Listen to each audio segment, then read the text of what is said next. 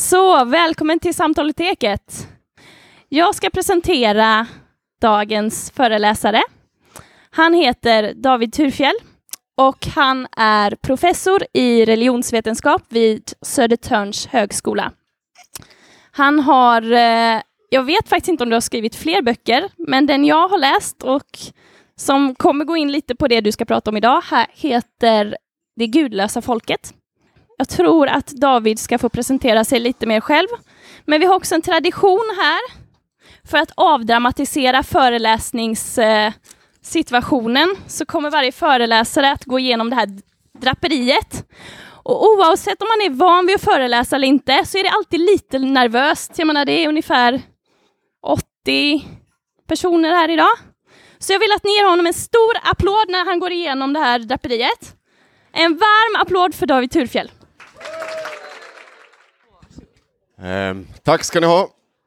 Det är en väldigt bra idé med samtal och tek, Sånt behövs det mer av.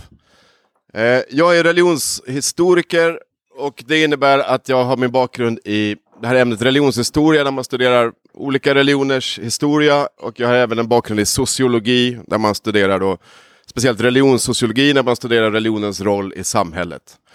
Eh, och jag, min huvudfokus forskningsmässigt handlar egentligen om något helt annat än det jag ska prata om idag, nämligen om eh, shiitisk islam och eh, religion bland romer. Så det är någonting annat. Men det ska jag inte prata om nu, men intresset för det som i Sverige är då religiösa minoriteter, muslimer och eh, de här romska pingstvännerna var det som jag skrev om, eh, förde mig in på ett intresse för den liksom, svenska sekulariseringen och eh, religionens försvinnande. Så det som har blivit mitt nya liksom, huvudfokus sedan ganska, några år tillbaka nu, det är just sekularisering. Alltså religionens försvinnande. Och eh, det passar ju då in eh, ganska bra på det här temat som finns eh, på den här serien, nämligen tvärsäkerhet och tvivel. Och eh, vad är det egentligen som har hänt? Och jag tänkte jag ska börja nu, det första då här, det blir liksom tre små sjok. Eh, och i första sjoket så ska jag börja med att berätta någonting om vad det är som har hänt. Därför att Sverige, och inte bara Sverige utan Norden och norra Europa och stora delar av hela världen, men eh, jag fokuserar nu på Sverige, har ju förändrats ganska radikalt när det gäller religionens roll i samhället de senaste 150 åren. Och om vi går tillbaks några hundra år och jämför med religionsläget i Sverige då och det religionsläge vi har nu så är det en monumental eh, skillnad. Eh, och jag tänkte då, man kan beskriva eh, den här förändringen som har skett då, från att Sverige var ett ganska enhetligt eh, kristet land med divers, diverse schatteringar men huvudsakligen då den lutherska statskyrkan till att vara det som många kallar världens mest sekulariserade land. Om man frågar folk i Sverige om religion har en plats i deras liv är det 85 procent som säger nej, rakt av. Och det är bara Nordkorea i världen som ligger på samma nivå. Så vi är ett extremt land när det gäller avfärdandet av religion, åtminstone vad man säger. Okej, okay. så jag tänkte man kan beskriva den här utvecklingen som en rad olika förändrade förutsättningar. Från ett kyrkligt perspektiv kanske man kan tala om det som en rad förluster som har skett de här 150 åren. Så jag ska, jag vet inte om jag hinner alla, men jag, jag har sju liksom sådana här förluster som jag tänkte jag ska dra igenom. Okej, okay. är ni beredda? Ja. ja. Den första förlusten, den första förändrade förutsättningen under de här 150 åren, som kan förklara religionsläget, det är eh, förändrade förutsättningar vad det gäller världsbild. Ni kanske har hört talas om en filosof som hette Descartes, som fanns, var i Sverige, en fransman var i Sverige vid sekelskiftet 15-1600. Och Descartes han kom på den här idén om att det finns objektiva sanningar, vi kan bevisa objektiva saker om verkligheten. Eh, och en sak som han ville bevisa var Guds existens. För det visste han ju var sant och så skulle han bevisa Guds existens. Men det är någon som har sagt så här att ingen tvivlade på Guds existens förrän filosoferna och teologerna försökte bevisa den. Någonting hände när man gör Guds existens till en fråga som kan bevisas eller argumenteras kring. Då händer någonting med själva frågan. Och det här är de förändrade eh, verklighetsbildsförutsättningarna för att vara religiös eller tänka kring religion som har hänt i Sverige och på andra håll. Att Gud och de religiösa föreställningarna går från att vara liksom förutsättningen för allt tänkande till ett objekt för förnuftet. Eh, om man tänker sig en för, innan Descartes och innan den här förändringen kommer, då är Gud förnuftet. Gud är samma sak som förnuftet. Eh, Linné, ni vet Carl från Linné. Jag säger inte att det här eh, försvarar inte den här positionen nu, jag säger bara att det här har, så här har det historiskt förändrats. Carl från Linné, ni vet den stora upplysningsmannen. Han inleder ett av sina verk med att säga så här. Eh, om det inte vore för vetenskapen så skulle vi ha, inte ha något bra jordbruk, vi skulle inte ha några bra fabriker, det skulle inte ha någon bra juridik, vi skulle ha kaos i samhället. Om det inte vore för vetenskapen eh, så skulle vi tro på tomtar och vättar och oknytt och annat, annan vidskepelse. Nej, det är eh, vetenskapen som slår fast Guds majestät i samhället. För Linné så är Gud och förnuftet på samma sida och oknytt och vättar och spöken och sånt här. Det är liksom det oförnuftiga. Så att den gamla världen var en värld där, och det här är den eh, judisk-kristna traditionen, var en värld där Gud var en förutsättning för att tänka. Gud, den eh, kristna guden är ju en sammanslagning av judarnas personliga gud och den grekiska filosofiska föreställningen om en yttersta förnuftig, logisk ordning i universum. Eh, men vad som händer under den här perioden, då, de senaste 150 åren, är att Gud flyttar ner i människors medvetande och i filosofernas tankar och i det allmänna liksom, sättet att tänka. Från att vara den här förutsättningen till att bli ett föremål för diskussion. Eh, Julian Huxley, som är en av grundarna av eh, den sekulärhumanistiska eh, rörelsen, en sekulär religionskritiker och även grundare av World Wildlife Fund. Han talar om gudshypotesen. Ni vet, hypoteser är idéer man har om verkligheten. Jag har en hypotes att det funkar så, eller funkar si, eller funkar så. Så, kan vi, så talar man om Gud nu, antingen kan man tro eller så kan man inte tro. Tror du, tror jag? Sådär. Men innan Descartes, då kunde man inte ställa den frågan. Då var det som att säga, kan vi tänka överhuvudtaget? Att Gud låg liksom på en större abstraktionsnivå. Och det här är då den första förändringen som gör att Gud är någonting helt annorlunda nu än vad Gud var innan den här kartesianska revolutionen. Okej, okay. det är första förändrade, en annat filosofiskt grundläge liksom. Andra eh, förlusten eller för kyrkan eller de förändrade förutsättningarna har att göra med samhällets organisation. För 150 år sedan i Sverige, eh, då var det vad man kallar för hustavlans tid. Eh, vi hade en luthersk statskyrka. Det var, eh, ja, det var i princip förbjudet att tillhöra någon annan kyrka än den lutherska statskyrkan. Alla skulle känna till den lutherska läran som fanns sammanfattad i Luthers lilla katekes. Luthers lilla katekes började med en beskrivning av hur samhället är organiserat. Eh, och, eh, och där står den här följande frasen som sammanfattar hela liksom, andan i den här eh, eh katekesen. Då står det så här, om, när var och en sin syssla sköter går det oss väl vad än vi möter. Alla har sin roll. Kungen har sin roll, bönderna har sin roll, män har sin roll, kvinnor har sin roll, adeln har sin plats. Man talar om de tre kronorna, liksom, de tre, de tre regementen där vi har kungen och det kung, liksom staten, och sen så har vi kyrkan och sen så har vi hushållet. Och de här hänger ihop i en perfekt symbios kan man säga. Eh, vad som händer under 1900-talet, från slutet av 1800-talet, är att den här totala samhörigheten då, och det gäller ju de här olika maktgrejerna, men samhörigheten var ju också andra saker. Till exempel att man var, eh, alla visste vad man hade för roll i samhället, vad man skulle göra, var man skulle bo, eh, vad man hade för uppgifter. Var man en bondflicka? Eh, så var det liksom förutsagt när man föddes vad man skulle göra, vem man skulle gifta sig med, hur ens liv skulle se ut. Det fanns inget val. Generationerna hängde ihop. Eh, och generationerna liksom, som hängde ihop med varandra hängde också ihop med ekonomin.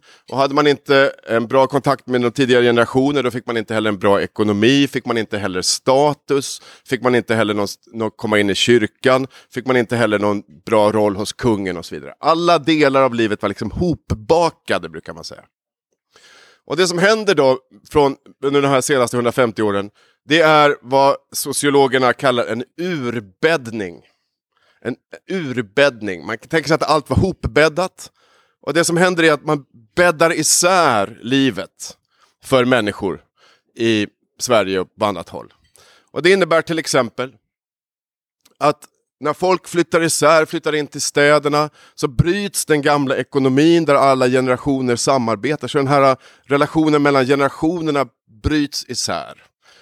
Eh, relationen till naturen och årstidens växlingar och allting som hängde ihop i det gamla liksom, självhushållarsamhället och bondesamhället, den bryts isär.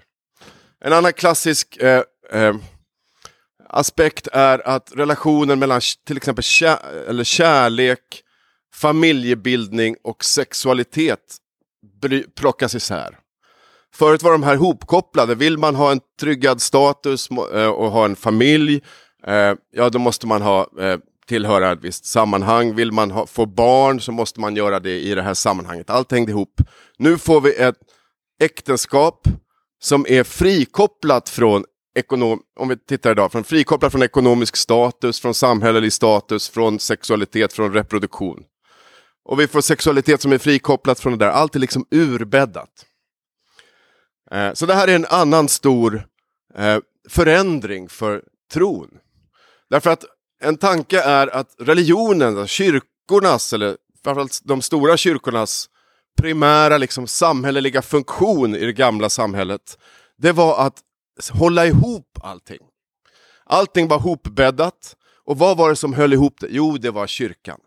Kyrkan ramar in året med sina olika högtider. Kyrkan ramar in födelse och död och livets olika skeden. Kyrkan ramar in staten och säger att staten är av Guds nåde och kyrkan är bra och mannen är familjens överhuvud. Kyrkan liksom bakar ihop allt det här. Och när allting bäddas ur, ja då förlorar också religionen sin samhälleliga liksom huvudfunktion. Och då tappar den mark. Eh, det var den andra liksom, förändrade förutsättningen. Den tredje förändrade förutsättningen har att göra med eh, ska jag säga, livsåskådningsmässigt självförtroende. Ni vet att under 1800-talet, eh, och framförallt slutet av 1800-talet, förra sekelskiftet där kring år 1900, då hade européerna ett extremt högt självförtroende. Man hade nu haft sin franska revolution och sin industriella revolution. Man hade erövrat hela världen med kolonialismen ockuperat alla andra världsdelar, fick alla deras resurser, man var oändligt rik mot vad man hade varit tidigare. Och man hade också gjort enorma framsteg i vetenskapen. Eh, och man hade också gjort eh, stora framsteg politiskt då, eller tyckte man i vilket fall genom att komma på olika ideologier som kunde liksom fixa samhället på något vis. Till exempel socialism och nationalism och liberalism och demokrati. Det här var ju liksom olika recept som man hade hittat på som man tänkte kunde fixa så att samhället blev bra. Så att man hade ett otroligt självförtroende. Och eh, sinnebilden för det här självförtroendet är ju den här uh, världsutställningen som ägde rum i Paris år 1900. På den utställningen, som var någon sorts mässa i Paris där man hade från olika länder och sådär, eh, så höll Kelvin, alltså Kelvingradernas, vetenskapsmannen som uppfann Kelvinskalan, han höll ett eh, ett tal. Han var då en av sin tids stora naturvetare. Eh, och i det här talet så säger han att nu har naturvetenskapen två saker kvar att upptäcka. Två saker kvar och sen har vi upptäckt allt. Sen har vi kartlagt liksom hela universum. Det var den självförtroendenivån man låg på. Man trodde liksom att man hade perfekt koll. Vi behöver inte det gamla längre, vi vet exakt vad som gäller. Och den här tiden om någon var ju tvärsäkerhetens glansdagar. Liksom. Då visste man exakt vad som gällde. vetenskapligt eller ideologiskt och man bara körde på. Och det präglade då vetenskapen, den västerländska vetenskapens födelse och hela tiden 1900-talet. Men sen så hände ju någonting på 1900-talet. Och det är när denna fantastiska teknologi och dessa fantastiska naturvetenskapliga landvinningar kombinerat med dessa eh, recept och dessa ideologier som är recept för hur man ska bygga det goda samhället. Alla de grejerna eh, eh, kolliderar ju i första men framförallt andra världskriget. För andra världskriget är ju de här ideologierna som med hjälp av de här vetenskapliga framstegen liksom eh, kollid som kolliderar. Och eh, andra världskriget som ni vet var ju en, en, eh, en händelse liksom som saknar motstycke i vidrighet i mänsklighetens historia med liksom industriellt massmördande av oskyldiga till exempel. Utplånandet av hela städer och sånt där. Så att efter andra världskriget så händer någonting i medvetandet i Europa som har stor betydelse för det här med tvärsäkerhet. Och då är det fil filosofin och liksom den humanistiska forskningen är ju ganska tyst då direkt efter andra världskriget. Man, man, eh, man är liksom eh, tystnar av fasa. Men efter några år så börjar man tala och filosofera och diskutera igen. Och reflektera över det som man har gjort och det som har hänt i Europa och på andra håll. Eh, och det som växer fram då är en ny eh, hållning till vetande och kunskap. Och det är en hållning som inte är tvärsäker.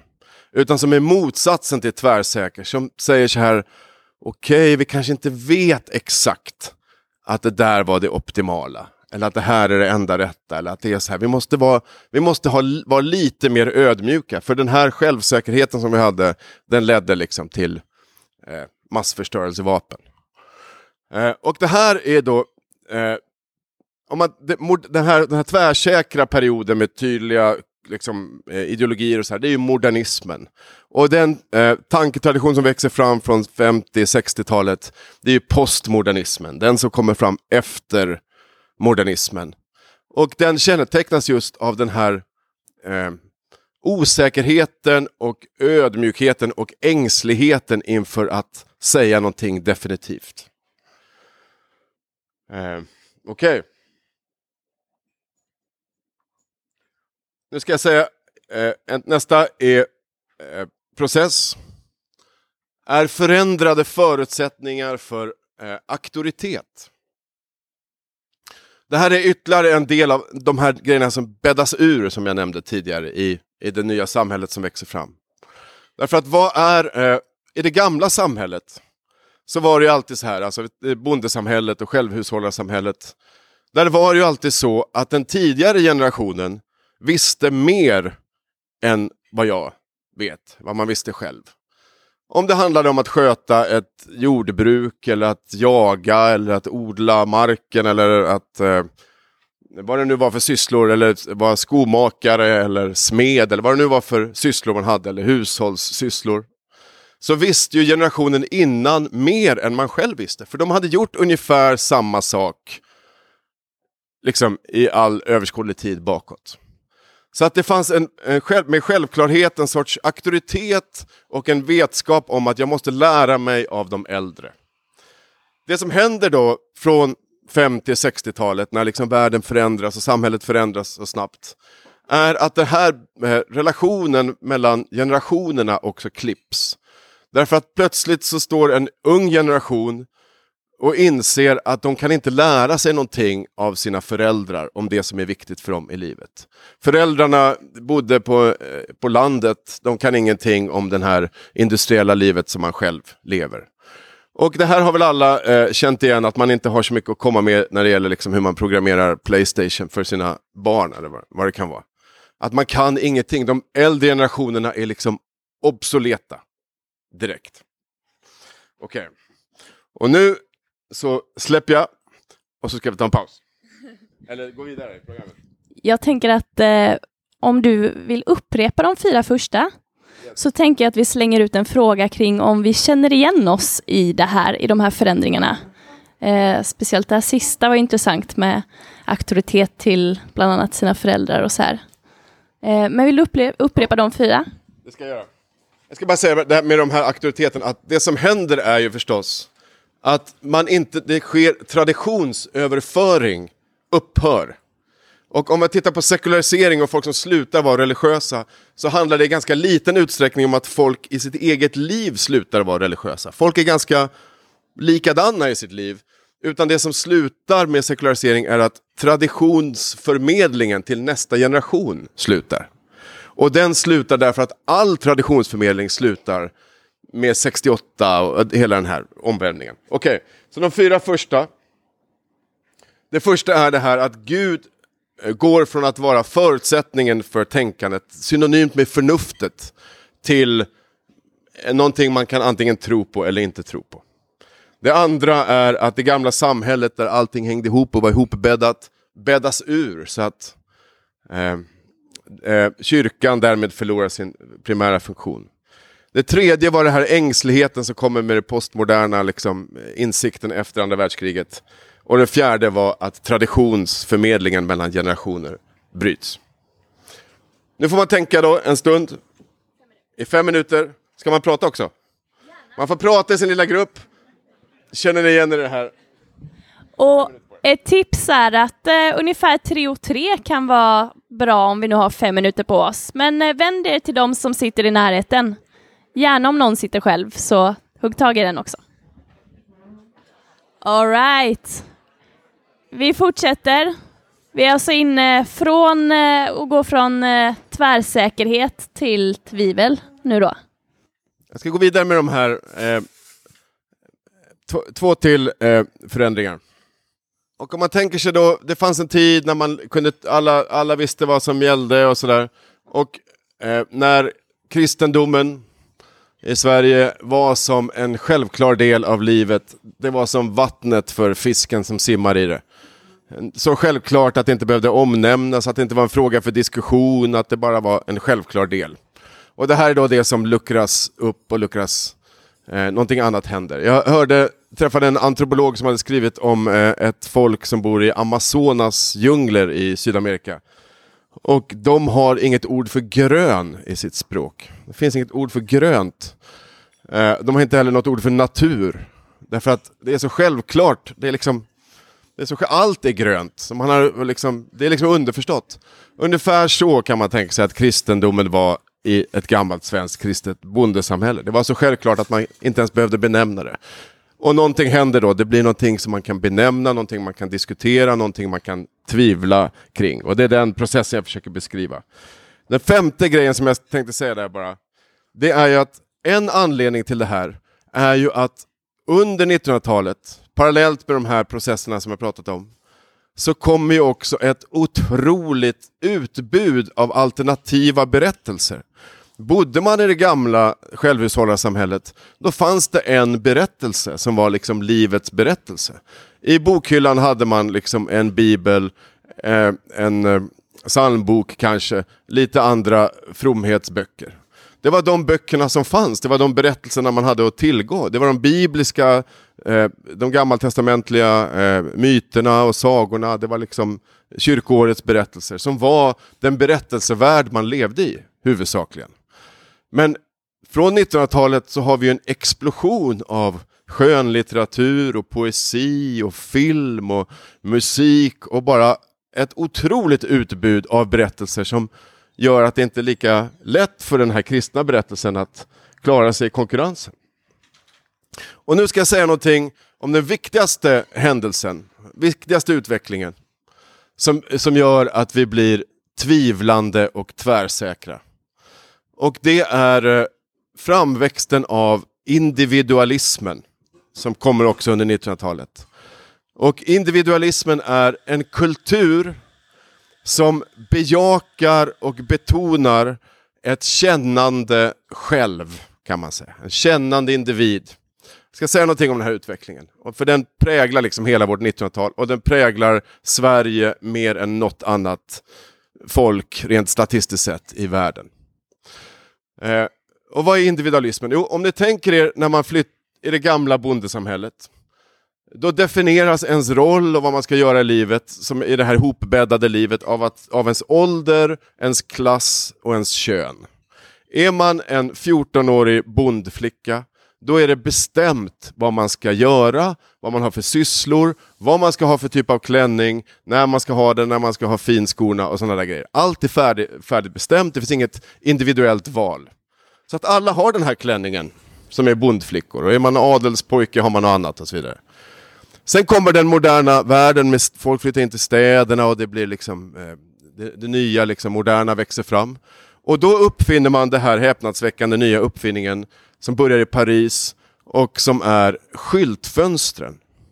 Och ett skyltfönster är ett mark alltså, remarkabel uppfinning. För det är då ett fönster och i det här fönstret så hänger det olika klänningar. Kanske med olika färg, olika mönster, olika snitt. Och det man ska göra då är att man ska komma och titta på det här skyltfönstret. Och sen så ska man känna vilken klänning som man tycker om. Och det här är inte någonting som är självklart i världen, utan det här är en sorts kompetens då, som den nya liksom, stadsmänniskan måste erövra. Och vad är, vad är det som krävs i den kompetensen? Jo, det krävs att man tar in någonting, lyssnar på vad man själv känner och kan artikulera det här. Har ni varit på en konst, ett galleri någon gång, på något vernissage? Kanske några som brukar gå på sånt, några gör inte det. Att gå på vernissage, det här som ett, för att illustrera det här, det är en sorts kompetens som vissa har.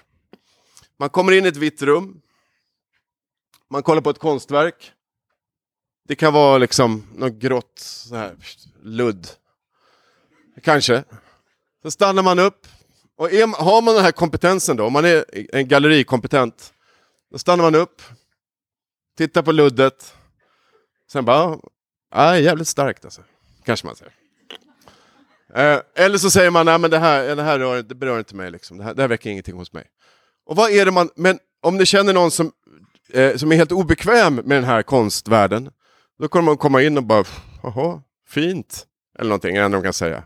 Därför att det här är en kompetens, och kompetensen, gallerikompetensen är att känna efter och kunna artikulera vad som händer hos mig som individ. Okej. Okay. Och det här är en typ av individualistisk liksom, människosyn och, och jag-uppfattning som växer fram då i det här konsumtionssamhället som 1900-talet bär med sig. Men den här grejen då, att man lyssnar på sig själv, att man tittar inåt, att man ska ha en åsikt, att jag ska känna och tycka bu eller bä, ha favoritfärg och stil och välja mina egna preferenser. Och det här är någonting som eskalerade under 1900-talet, blir mer och mer och mer så här. Det sker inte bara i konsumtionens värld, utan också i andra delar av livet. Till exempel i religionens värld.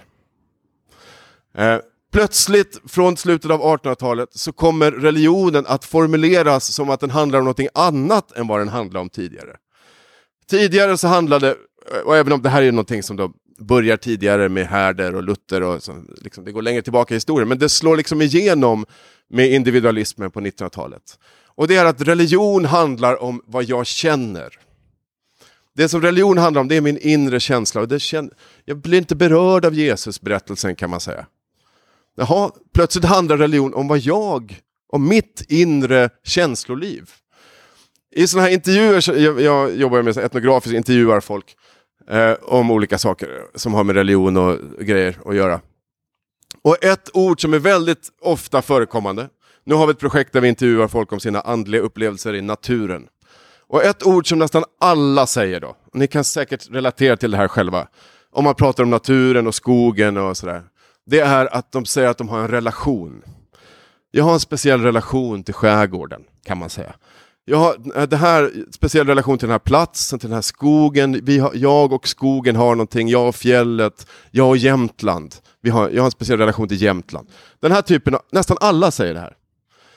Eh, och ordet relation på svenska språket, det användes första gången eh, år, alltså på 1950-talet. Innan 50-talet så finns inte det här ordet på svenska. Relation, ordet relation, alltså själva bokstäverna finns, bokstavskombinationen, men det betyder då berättelse. Sen finns det släktskap. Men den här liksom idén om att mitt inre samvibrerar med den här lampan på ett speciellt sätt eller inte. Det är en sorts individualistisk, eh, känslofokuserad eh, eh, jag-uppfattning som växer fram på 1900-talet. Och för den, på slutet av 1900-talet, och för den kännande då, känsliga, eh, individualistiska självet med självförtroende, eh, så blir plötsligt frågan om vad känner jag relevant i frågan om ska jag gå till kyrkan eller inte. Så där är liksom radikalt förändrade förutsättningar för det religion gör. Ta Svenska kyrkan då, Sveriges största samfund. De tillhanda, vad har de gjort? Jo, de har hållit på med folkbokföring, begravt folk, döpt folk, eh, hållit ordning och reda i, på sockenstämman. Den här typen av administrativ myndighetsutövning och lite ritualer, det har varit liksom kyrkans primära uppgift. Nu blir kyrkan bedömd ur, i, eh, utifrån i vilken utsträckning den kan göra någonting som väcker någonting hos mig. Ja, kanske en Avicii-gudstjänst. Ja, men där, där känner jag att kyrkan var relevant. Det är något helt annorlunda än det var tidigare. Så frågan om tro och tvivel kommer in i den berättelsen. Eh, får, får jag fortsätta? Ja. Okej. Okay. Och då ska jag nu säga någonting om tro och tvivel när det gäller tro på sådana här saker, eller brist på tro, eller övertygelse och tvärsäkerhet. Därför att det finns någonting eh, som man kallar för the logocentric fallacy i religionsvetenskapen. Alltså det logocentriska felslutet. Och det här är när man tror, när man analyserar människor, varför gör människor som de gör?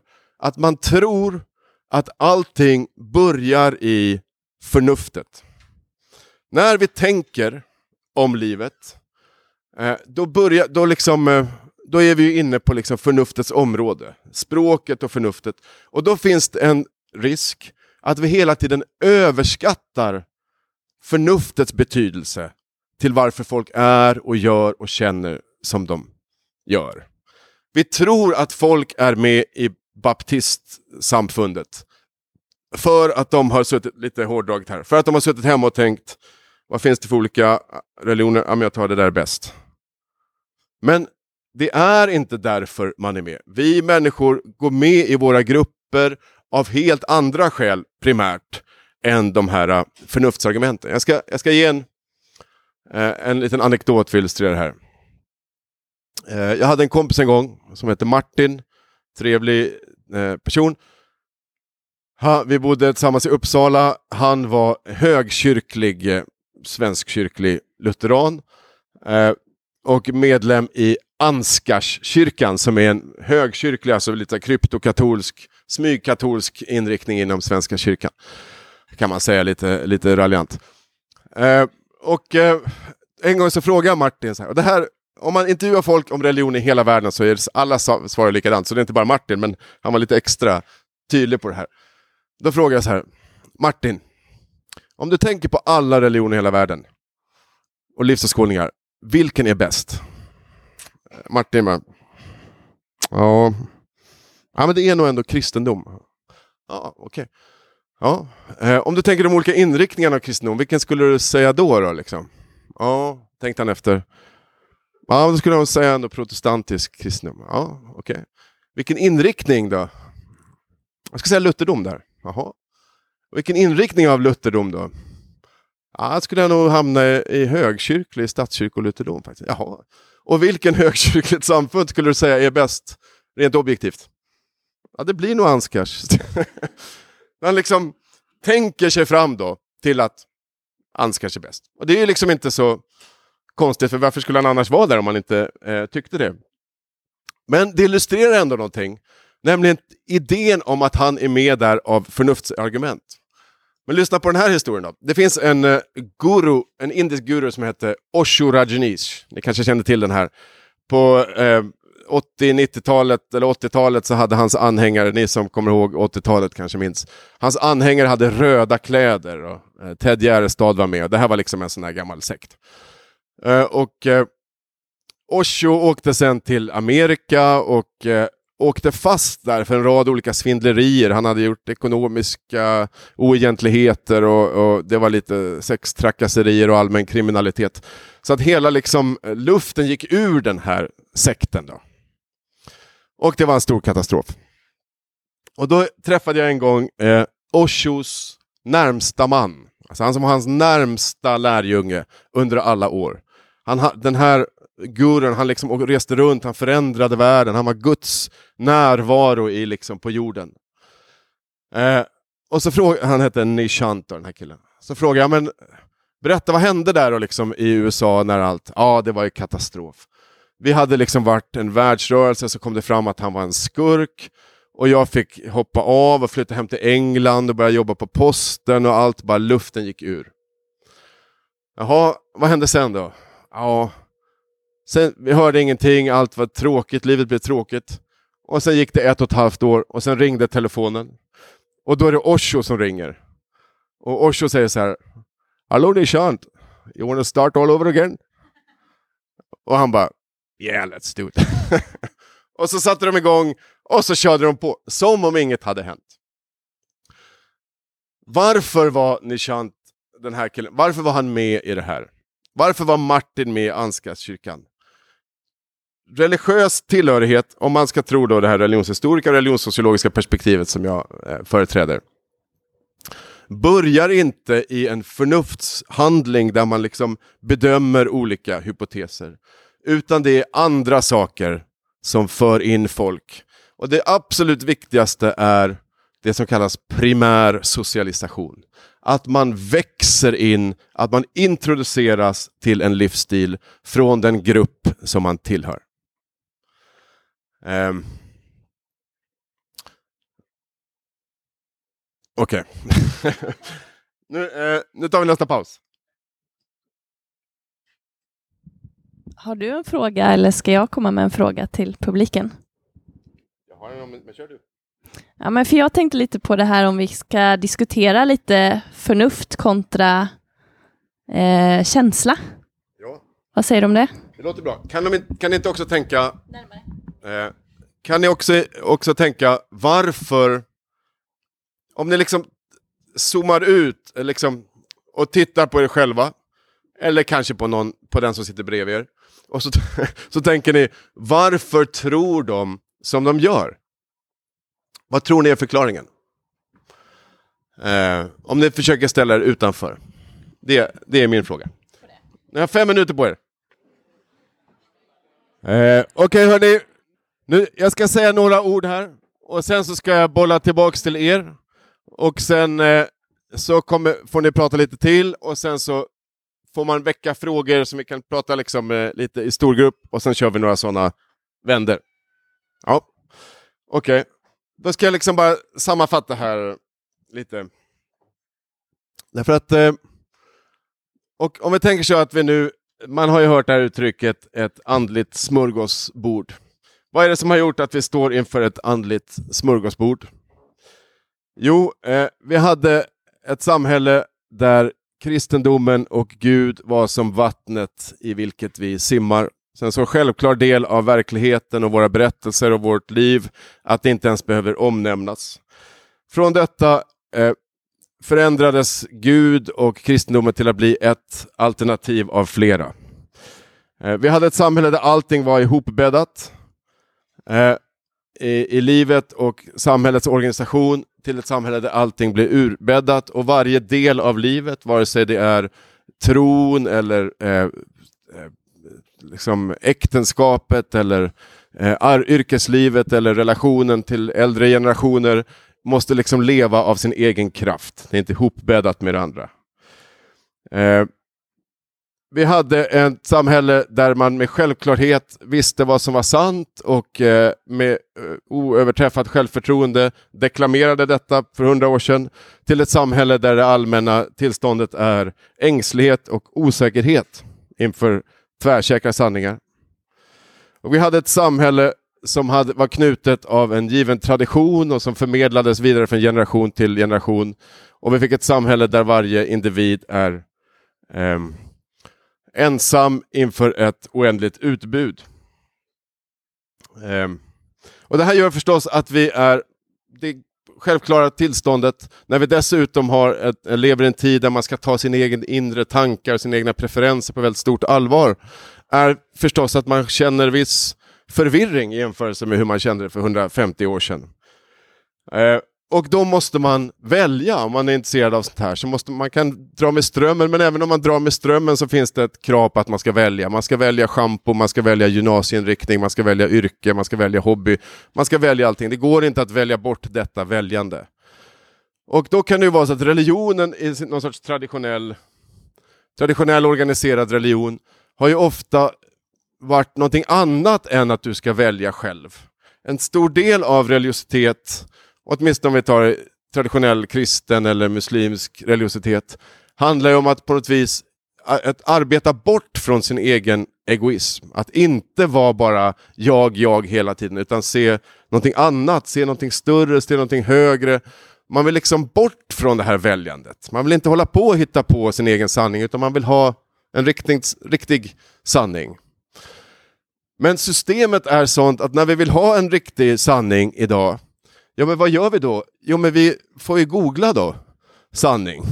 Och då hittar vi att det finns ganska många olika eh, personer då som eh, säger lite olika sanningar som absoluta sanningar. Och så måste vi ändå komma tillbaka till det att vi måste välja vilken vi litar på, vilken kyrka eller vilken inriktning eller vilket samfund eller vilken religionskritiker eller vad det nu kan handla om. Så att vi kommer liksom inte ur det här eh, ekorrhjulet av eh, att behöva välja hela tiden. Och då blir... Eh, då tror jag att själva, tvär, själva ordet tvärsäkerhet, det är ju ett ord... Alltså det är ett lite nedlåtande ord, ord att vara tvärsäker. Och det är ett ord som hör hemma i det här samhällsklimatet, alltså när man kan välja och när det är olika och alla väljer och sådär och det är religion är privatiserat. Det är då man kan vara tvärsäker. Om vi pratar om folk för 200 år sedan i bondesamhället ja, de var ju jättetvärsäkra och visste vad som gällde och allting var liksom klart. Lite eh, raljant sagt kanske, men eh, i jämförelse med idag i vilket fall. Men det kanske inte var tvärsäkerhet, det var en sorts självklarhet i, kring livets ramar. Men nu i det här eh, smörgåsbordssituationen så blir det tvärsäkerhet när man håller fast vid någonting. När alla vet att det ändå är ett av många val. Och därför blir en sista frågan som jag vill kasta tillbaka till er då. Det är frågan, om man tänker sig att i Sverige då för 200 år sedan så var det kristendomen och de kristna berättelserna och det här hopbäddade treregementshustavlesamhället. eh. Att det var vattnet som man simmade i. Liksom. Det var färgen grön i vårt Amazonas. Det var det som var det självklara, som var så självklart att vi inte ens behövde diskutera det. Vad är i så fall vattnet nu? Vad är det nu som är så självklart att det inte ens blir en föremål, att vi inte ens ser det för att det är en så självklar del av livet. Och det kan väl vara ett bra ingång till att börja diskutera eh, tvivel och tvärsäkerhet i vår tid. Så att vi bollar tillbaks den frågan och sen så får ni i, i grupperna tänka så här, ja men det här vill vi säga eller fråga eller väcka för, till allihop. Så vi kör fem minuter och sen så får vi ta frågor. Så prata ihop er lite om det där. Okej. Okay. Eh, då är alltså ordet eh, fritt. Om det är någon som eh, vill säga någonting eller fråga någonting eller göra, någon, göra något annat, sjunga en sång. Det är lite läskigt. Men ska vi göra så här då? Mårten, du hade ju en bra fråga här i pausen. du får dra den. Jag eh, blev lite sådär konfunderad, förvirrad av att eh, du gick igenom den här eh, förnuftsbaserade misstaget, så att säga, felslutet, logocentriska felslutet om att man tror att man väljer och sådär, eh, utifrån någon slags förnuft. Och eh, eh så har du då innan dess har du hållit en 20 minuters föreläsning, typ, eh, då du har gått igenom hur eh, allting har bäddats ur packats upp så att det ligger liksom spridda delar och så rör vi oss däremellan och väljer hela tiden liksom vilket sammanhang vi ska med i, vilken fru, eh, och, eh, vilka barn och liksom väljer allting sådär. Eh, och, och nog är väl liksom eh, förnuftet inblandat där, eller, eller vad är det du säger egentligen? Är de här valen och den här individualismen, är det Eh, är det, tror vi bara att vi väljer eller är det så att någon väljer åt oss? Vi, egentligen så följer vi bara med här. Eh, det råkar vara så att jag tycker att Anskar är det bästa men det är inte jag som har valt det utan det har bara hänt mig. Så att där någonstans. Och också man kan liksom eh, differentiera lite grann, alltså göra lite skillnad mellan eh, för jag, berättade för, för min kompis här att eh, Saron, jag är med i en kyrka här då i stan som heter Saronkyrkan. Och det var väldigt tydligt så att när jag, när jag råkade hamna där, jag snubblade in en dag där, kände jag att det här är en, en skön gemenskap. Och jag, jag, bestämde mig för att nej, men jag ska inte sätta mig och gå igenom stadgarna till punkt och pricka och jämföra med den andra frikyrkan som låg in till och den tredje som också ligger in till. Utan nej, jag ska bejaka att här har jag råkat hamna i gemenskap. Det säger jag ja till för att det är inom någon slags rimlighetsgränser. Eh, men däremot så upplever jag inte att jag bara snubblade in på tron. Tron menar jag då, och tänker mig, eh, kanske lurar mig själv då, att tron är faktiskt någonting som jag behövde ta ställning till. Och det finns ju ett sånt, många av de som jag arrangerar här, det, det är ju frikyrkor och de, det bygger på någon slags, det är ju som individualismens eh, kyrkosamfund så att säga, tänker sig att man väljer själv någonstans och det finns en slags Eh, värdighet i att nej, men jag, jag väljer att vara kristen, jag skulle kunna välja någonting annat. Så kan det vara så att man faktiskt mm, vill välja och kan välja vissa saker och vissa saker är det mer att nej, men jag accepterar att jag har råkat hamna här och ja, jag vet inte om det var en fråga eller två frågor, men är ni med? Ja. Mm. Eh, jag tycker det var jättebra att du eh, lyfte där, för att det är ju egentligen ytterst sett frågan om eh, fri vilja som, som det här kommer koka, koka ner till. Och det, det kanske vi löser här på de här eh, 25 minuterna som är kvar. Men eh, det är ju en sorts perspektivfråga som är, är otroligt svår att ta ställning till. Men det är bra att du tar upp det därför att eh, här har man ju olika perspektiv. Det finns en, en uh, muslimsk uh, medeltida filosof som heter Al-Ashari som har löst, löst frågan om fri vilja på det här sättet att det här beror på vi både har och inte har fri vilja och det beror på från vilket perspektiv vi vill se det här. Från evighetens perspektiv, Guds perspektiv, eh, som för han då betyder förnuften och, förnuftet och evigheten, så har vi inte fri vilja utan då är det orsak och verkan som gäller och vi, vi liksom, det är en massmiljarder kedjor av orsak och verkan som är världen och som Gud har liksom satt igång någon, någon gång och som bara liksom rullar på. Och det här kan man en position man kan ha vare sig man tror på Gud eller inte. Så det finns egentligen inte fri vilja. Men från vårt perspektiv, inifrån vårt liv, så kan vi inte välja bort erfarenheten av att ha fri vilja. Så sett från vårt mänskliga perspektiv så har vi fri vilja, sett från någon sorts utifrån perspektiv så har vi det inte. Och det här är en, någonting som vi aldrig kommer liksom ifrån i vårt, eftersom det är en del av vårt väsen. på vis. Men det är också en perspektivskillnad som har att göra med, om man kanske kan säga då, trons, alltså den, den religiösa människans, eller vårt eget livsåskådningsperspektiv inifrån. Hur ska jag leva mitt liv? Vad ska jag göra med mina relationer? Hur ska jag ta ställning politiskt? Vad ska jag göra med det ena och det andra? Det är, där står vi inför reella val. Och det gäller ju eh, religion såväl som eh, relationer och politik och sådär. Och det är ju någonting som vi inte kommer ifrån. Och sen så har vi det här sociologiska perspektivet. Eh, och det sociologiska perspektivet gör ju någon sorts försök då, precis som all modern vetenskap, att distansera sig från världen och tala om världen som om man var ut, utanför den. Och då kan man säga, men sociologerna är inte heller utanför den, de är också en del av världen. Och det är en vanlig kritik av vetenskap, att den liksom gör anspråk på att kunna ställa sig utanför världen på ett sätt som den inte kan. Men det sociologiska perspektivet är ju, okej, okay, vi har de här sakerna. Vi gör enkäter, vi gör psykologiska bedömningar, vi tittar historiskt och vad ser vi då? Och en sak som vi ser är ju att, och det här är extra liksom, eh, tydligt, det gäller väl i alla eh, eh, länder och sammanhang, men det är extra tydligt i Sverige. Det är att det finns en ganska stor diskrepans då, skillnad mellan vad man säger om sig själv och vad man gör. Och eh, om vi tar, jag ska ge tre exempel. Sverige har ju världs, om man frågar folk i enkäter så har ju Sverige världsrekord på eh, individualism. Alltså som jag har nämnt, vi, vi tycker oss, vi, vi, betonar individens rätt att vara, välja själv, göra vad den vill. Så vi ser oss som extremt individualistiska. Men om man tittar hur vi organiserar vårt samhälle så har vi världsrekord i kollektiva lösningar samtidigt. Eh, vi är det land där folk skattar eh, så kallade eh, postmateriella värderingar högst. Alltså vi, vi tycker det viktigast är inte för oss, enligt vad vi själva säger då, eh, mat, över, mat, eller vad heter det, mat för dagen och tak över huvudet och eh, materiell trygghet. Det är väldigt oviktigt. Det som är viktigt för oss det är att hitta sig själv, kreativitet, individuella uttryck. Men vi lägger mer pengar än nästan något annat land på att skapa just sociala trygghetssystem. Vi säger för det tredje att vi är, inte har någon som helst koppling till religion. 85% säger att religion inte har någon plats i deras liv överhuvudtaget. 70% är betalande medlemmar i religiösa samfund, vilket också är rekordhögt. Så att det finns ibland skillnad på vad man säger och vad man upplever och vad man faktiskt gör.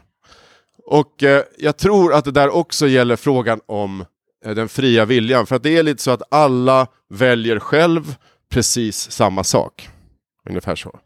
I, och om man tittar i stora kvantitativa sociologiska undersökningar hur folk gör med sina liv så kan man se att det finns en väldigt stark kontinuitet i fråga om religiositet efter uppväxtförhållanden. Fortfarande. Eh, så att de flesta, och det här gäller inte minst, eh, och även då eh, religiösa sammanhang som ofta berättar fram en berättelse av att vara en individuellt ställningstagande. Till exempel några av frikyrkorna, där det individuella liksom, valet, och det egna vittnesmålet om att jag var något annat och sen så hittar jag det här liksom, av egen kraft. är en väldigt stark berättelse, men går man tillbaka i familjehistorierna så ser man att det ofta är primär socialisation även där. Eh, ja. Eh, varsågod, vill du komma fram? Ja, när du gör din genomgång här så är det en aspekt som jag tänker på som du inte tar upp. Jag vet inte om det, är. det är det att i Sverige fram till 1951 så fanns det ju en lag som sa att eh, det var förbjudet att lämna, att gå ur Svenska kyrkan. Och eh, om man gjorde det så var man tvungen att gå in i någon av de här frikyrkosamfunden som vid det laget hade blivit tillåtna. Baptistkyrkan var ju förbjuden från början. Och eh, det här medför ju, det börjar ju med Gustav Vasa som insåg att eh, vilken maktfaktor det var att vara kyrkans överhuvud så att han eh, bröt med påven och det här är ett eh, sammanhang som vi har levt i i 420 år.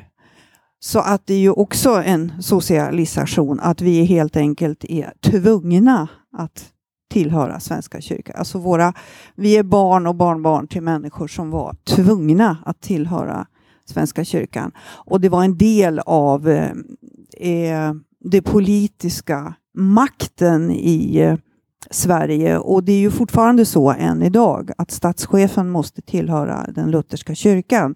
Så om kronprinsessan skulle gå och bli baptist så får hon inte bli drottning i Sverige. Så att eh, makten, den politiska makten i förhållande till kyrkan eh, har, du har inte tagit upp det, men, men det är ju en, en väsentlig del av Svenska kyrkans makt över svenska människor i Sverige. Det, det, här finns ju eh, otaliga lösningar på det. I Amerika till exempel så är det ju förbjudet och de är ju de mest religiösa. Där är ju de politikerna de mest religiösa av alla. Men i Sverige så är det så att idag så kan en politisk makthavare inte använda sig av kyrkan som ett sätt att ställa sig upp och tvinga på folk sin politiska makt. Eh, ja men alltså, jag håller helt med om det där. Jag eh, 1951 kom religionsfrihetslagstiftningen. Eh, fram till 1857 så fanns ju också konventikelplakatet. Och då var det alltså förbjudet att samlas tre personer. Om man inte var familj fick man göra det, men tre vänner fick inte samlas och läsa Bibeln eller be tillsammans utan att en svensk kyrklig präst var närvarande. Ja, eller ta nattvarden, eller, eller på något sätt samlas i konventiklar, eller det som kallas konventiklar. Så att eh, vi har ett starkt eh, religiöst monopol i det här landet, det skulle, eller det har haft det. Och det är jag absolut den sista att förneka eller säga någonting emot det. Jag nämnde också det i det här eh, samhällets organisation och hustavlans tid bröt sönder. För hustavlans tid var ju då sammankopplingen av kyrka, stat och hushåll i de här tre regementena som jag nämnde. Så jag mörkade inte det där helt, om det var det du menade. Men jag håller med. Och om man ska tala om sekularisering i allmänhet så är ju en av de främsta liksom, teorierna som förklarar vad som driver sekularisering i samhället just detta med monopolet. Och det här eh, finns någonting som heter utbudsteorin. Och det är att religion kan studeras precis som andra eh, marknader. Och eh, marknader, som, eh, alla marknader styrs som ni vet av sambandet mellan utbud och efterfrågan. Och har man en monopolsituation på utbudssidan, alltså att det bara finns en producent av till exempel schampo, ja, då kommer eh, det här påverka också efterfrågan. Och eh, resultatet kommer vara att man blir mindre intresserad av schampo.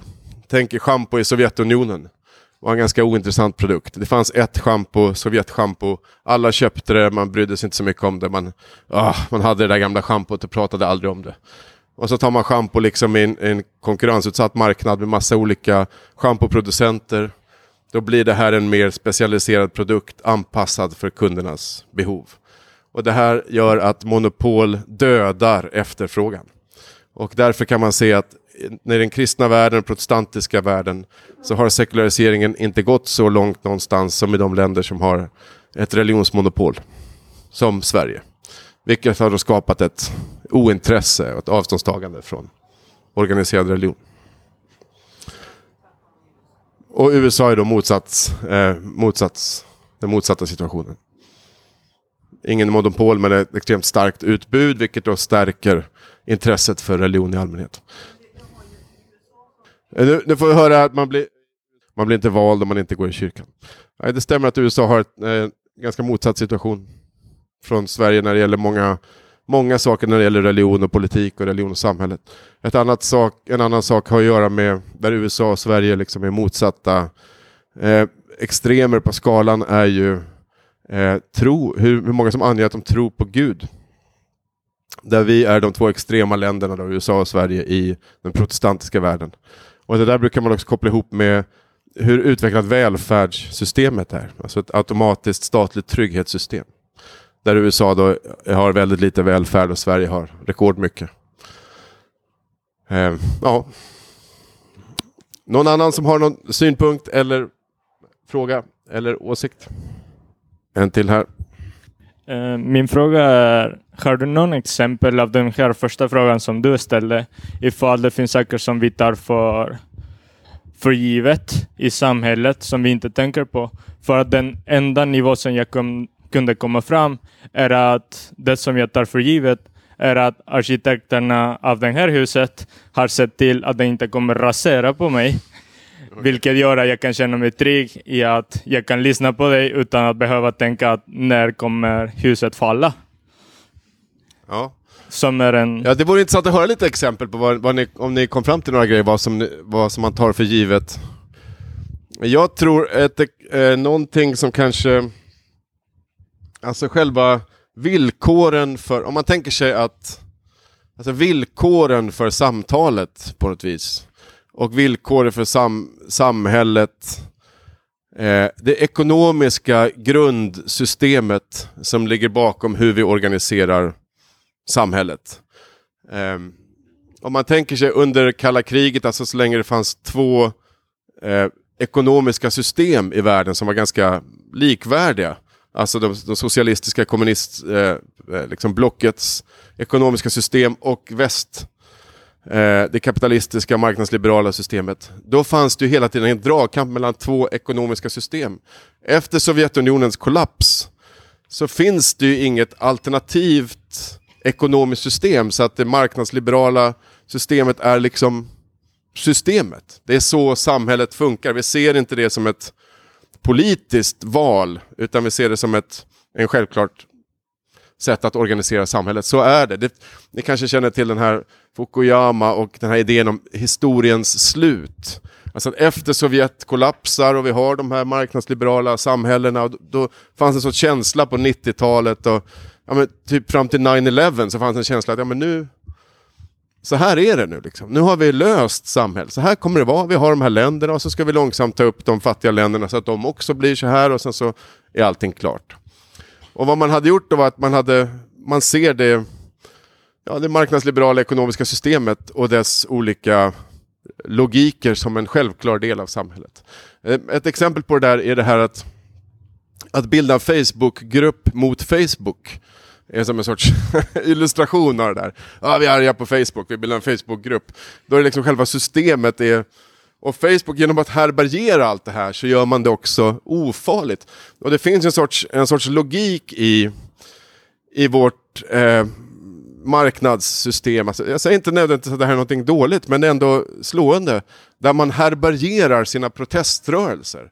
Det kommer liksom något No, eh, någon popgrupp och skriker och, och förstör och, och i protest mot hela, hela systemet. Wow, då blir det en häftig produkt och så tar man in det och så kommer det skivbolag och säljer deras skivor och så plötsligt så är de också en del av det där.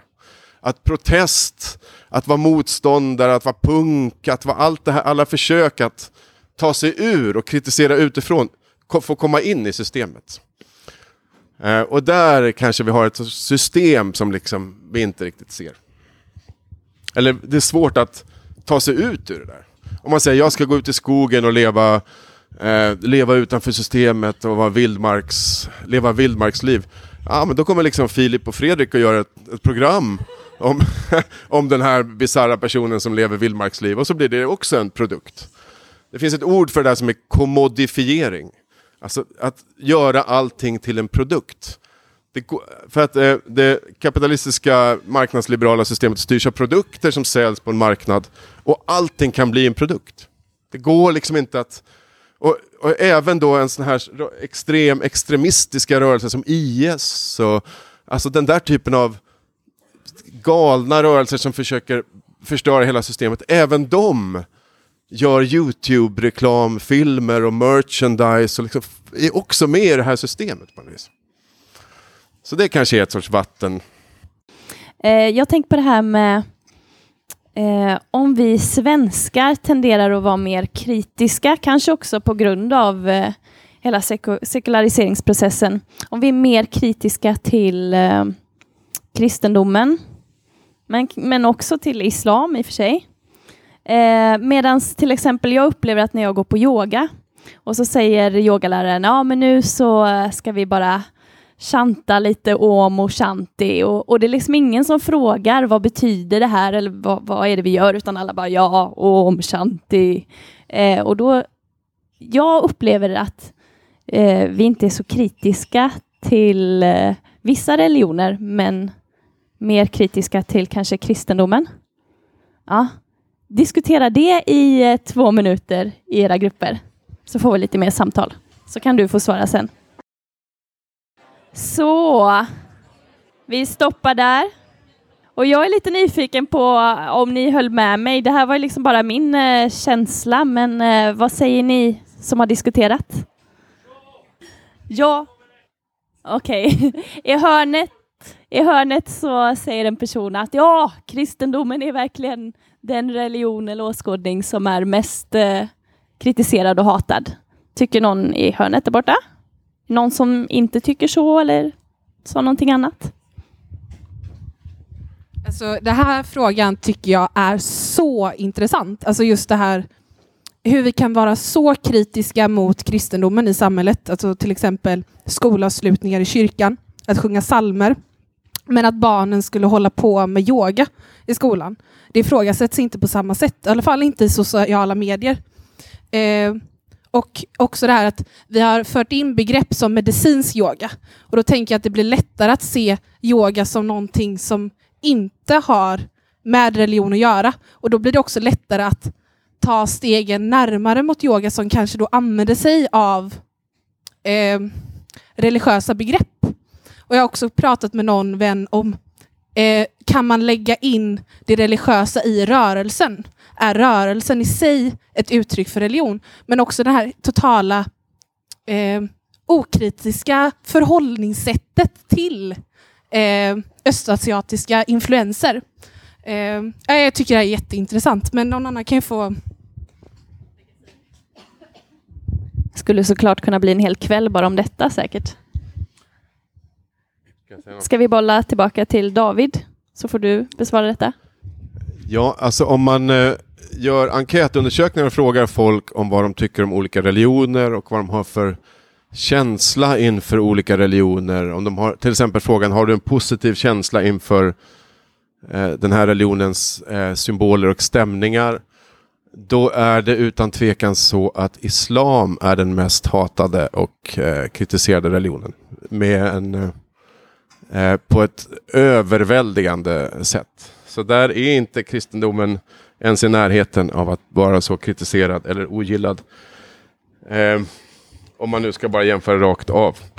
Det finns en intressant grej att man avkristna, alltså att man avreligio, avkonfessionaliserar religiösa element som du var inne på där, till exempel yoga. Eh, det här gör man ju förvisso också med eh, kristna traditioner, till exempel Lucia och jul och eh, påsk och en, en rad olika kristna traditioner som man avkonfessionaliserar liksom i sättet man talar om det för att få det att fungera i samhället. Och man frågar sig varför, för det, men det finns ju samtidigt det här som, som, eh, som frågan handlade om, en sorts eh, positiv uppskattning av just östasiatiska traditioner och framförallt av buddhism. Och eh, när man gör intervjustudier och frågar folk om deras, eh, hur de ser på religion och sådär i Sverige, folk som tillhör majoritetskulturen, då är det en vanlig liksom, insikt att man säger så här att ja, men, eh, ja, men jag är inte religiös, jag är kritisk och jag är kritisk mot religion, religion är mycket kvinnoförtryck. Alla exempel på kvinnoförtryck man kan komma på, de flesta kommer från islam. Eh, men det är klart, säger man, och sen så vill man också bejaka att man har en sorts eh, djupdimension, en sorts existentiellt djup och en sorts andlighet, trots att man är kritisk. Och då behöver man ett ord för detta. Och eh, ett ord som man ofta väljer då är att man kanske är lite buddhist. Eh, och det buddhist, ordet buddhist blir då en sorts eh, kategori som får stå för icke-våldsam, eh, filosofisk, eh, vetenskapligt kompatibel andlighet. Och det har ju då inte så mycket med, med liksom buddhism så som det praktiseras i, i buddhistiska länder att göra, utan det är mer som en sorts kategori. Och det har en speciell historia som gör att buddhismen har just den, fått den rollen som jag har skrivit om, men som jag inte hinner gå in på nu.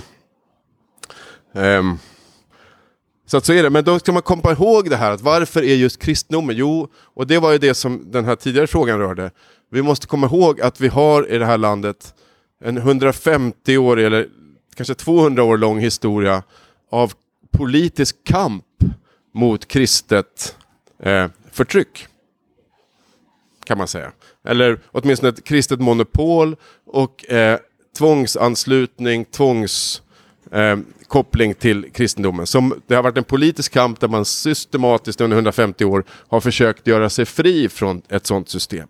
Och det gör att kristendomen har ett förflutet som, som, eh, som skaver lite. Tack för det. Har du en snabb replik på det? Nej, jag har en fråga.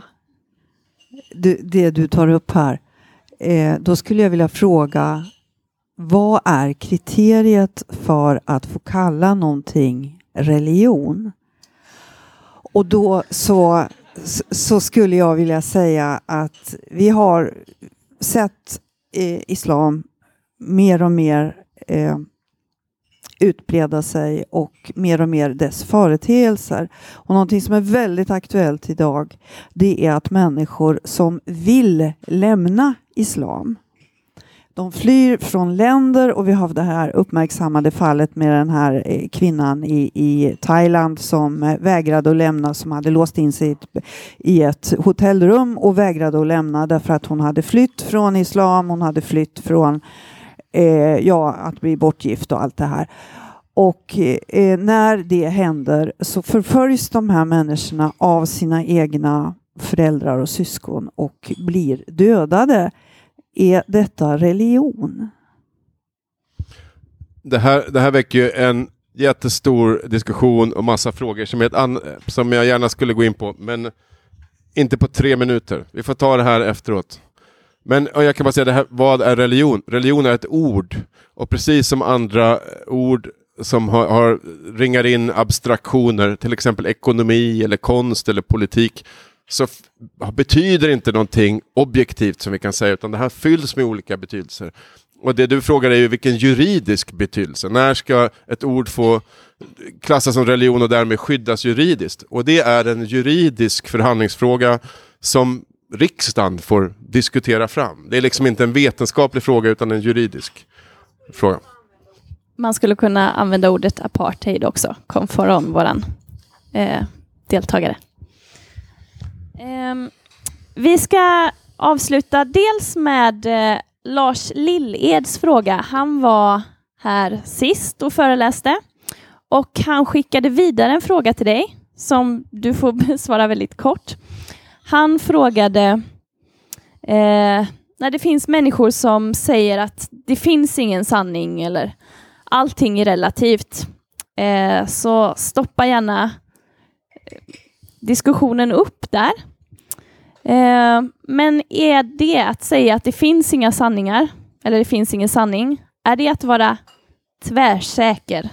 Eller är det tvivel i det påståendet? Okej, man kan säga så här, det finns, eh, det finns ingen sanning förutom att det inte finns någon sanning. Och om man är väldigt tvärsäker på det, ja men då är det ju förstås en sorts tvärsäkerhet.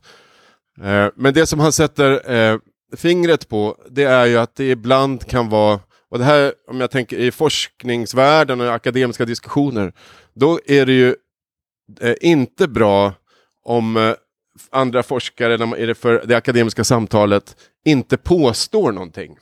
Utan villkoren för ett forskningssamtal, oavsett vilken disciplin eller ämne, är ju att här kommer jag och jag säger att det är så här.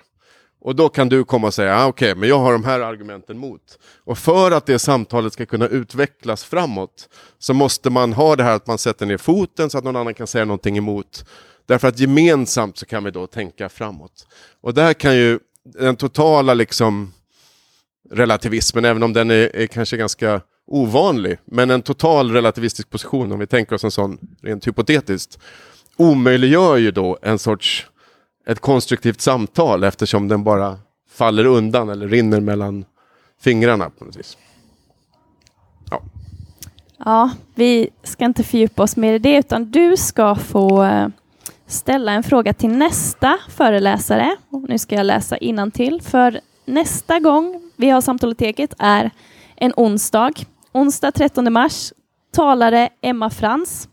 Och Emma hon är forskare vid Karolinska institutet och hon är vetenskapsjournalist på Svenska Dagbladet. Och hon kommer att tala och tänka med oss kring människors benägenhet att ta till sig spännande men ofta felaktiga rön i jakten på meningsfullhet. Alltså en liten kväll om fake news och alternativa fakta. Så då undrar jag om du har förberett en liten fråga till henne? Okej, okay, då kan jag fråga så här. Vad skiljer någon som tror på fakta från någon som tror på alternativa fakta? Jättebra. Mårten ska säga någonting om eh, Nord. Ja, eh, David, tack för detta. Jag vill tacka dig för att du tog dig hela vägen hit. Eh, det är inte så lätt eh, i det här vädret. Och eh, som ett litet tack så kommer du att få en prenumeration på Nord, som är en tidskrift för tro, kultur och samhälle, som är med och arrangerar de här kvällarna. Och då var det en artikel där i ett av de här numren. När man prenumererar på den här, det kostar 250 spänn om man är student, för ett helår. Då får man också ett nummer gratis som man kan välja här. Och i det här numret som heter Ande, kropp och sjuk, som var det senaste numret, där hade Cecilia Melder, eh, hade jag en intervju med Cecilia Melder, som är religionspsykolog. Och hon berättar om det här existentiella smörgåsbordet och pekade på eh, det som kanske ibland är problematiskt med det, att det blir svårt att få ihop sitt liv när man plockar ihop sin egen religion, så att säga. Så att eh, eh det skulle du kunna få med dig hem på tåget och läsa lite om och se vad du tycker om det om du håller med om det eller inte. Eh, och eh, sen har vi faktiskt ett nummer på G som kommer om en vecka som handlar om just det här med tvärsäkerhet och sanning och sådär. Intressant heter det. Intressant. Eh, så om man börjar prenumerera nu så kommer man att få det numret. Bra, det var det jag hade. Så, ha det fint. Tack för ikväll. Tack, tack.